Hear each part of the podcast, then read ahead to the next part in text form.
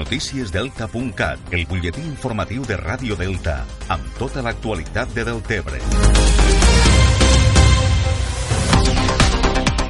Un rosari de torxes pel passeig del riu i una vigília del mes de Maria al centre fluvial del Delta. Estos són els actes que posaran demà dissabte el punt final a la commemoració dels 200 anys de la parròquia Sant Miquel de la Cava. La marxa es farà a les 9 i mitja de la nit pel passeig del riu. Ho explica el rector de la parròquia, mossèn Joan Guerola.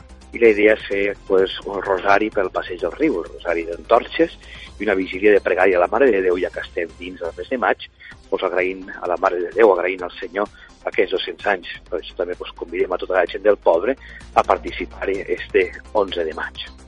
La celebració dels 200 anys de la parròquia Sant Miquel van encetar-se el 9 de maig del 2018 amb la consagració de la nova campana de la Mare de Déu de Fàtima i ha comptat amb diferents activitats el darrer any, com ara el multitudinari concert de gospel que es va realitzar a l'església Sant Miquel el passat mes de març.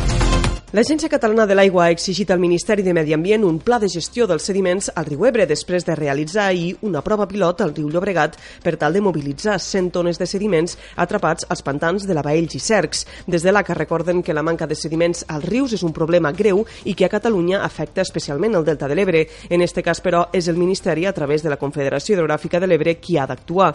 En la prova pilot del riu Llobregat va participar també l'IRTA, que investiga mesures de mitigació del canvi climàtic al Delta de l'Ebre entre elles la mobilització de sediments als pantans de Ribarroja i Mequinensa. La colla sardanista i de Jotes de Deltebre ofereix este mes de maig cursos de ball de jota totalment gratuïts en diferents places del municipi per animar la ciutadania a aprendre este ball popular i tradicional. Els cursos amb una durada d'una hora a la setmana es fan els dimarts de 8 i mitja a 9 i mitja del vespre i estan adreçats a totes les edats. La primera sessió es va fer este passat dimarts a la plaça Elena Herrea i seguiran els pròxims dimarts a la plaça 20 de maig i a la plaça mossèn Gabriel Zapater per acabar el dia 28 a la plaça del Barracot. Amb amb aquesta iniciativa, la colla sardanista i de Jotes de Deltebre pretén animar els ciutadans del municipi a aprendre a ballar la jota i poder participar així en actes tradicionals com les festes de l'arròs, les ofrenes als patrons o la trobada de grups de ball de jota de les Terres de l'Ebre.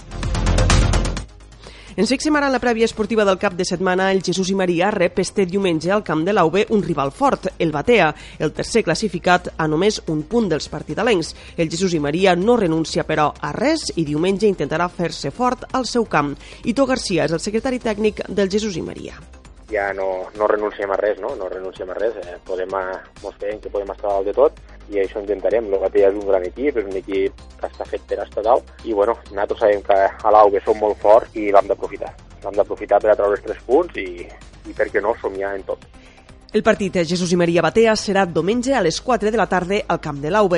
Pel que fa a l'ACABA, visitarà demà dissabte el camp de la Mella de Mar, tot i no jugar-se res i trobar-se en una posició tranquil·la els blanc i blaus intentaran emportar-se els 3 punts demà dissabte del camp de la Mella de Mar. Ara la Cava és desè amb 45 punts i la Mella de Mar és 14 amb 39. Això és tot de moment. Més informació, com sempre, al portal deltacat.cat.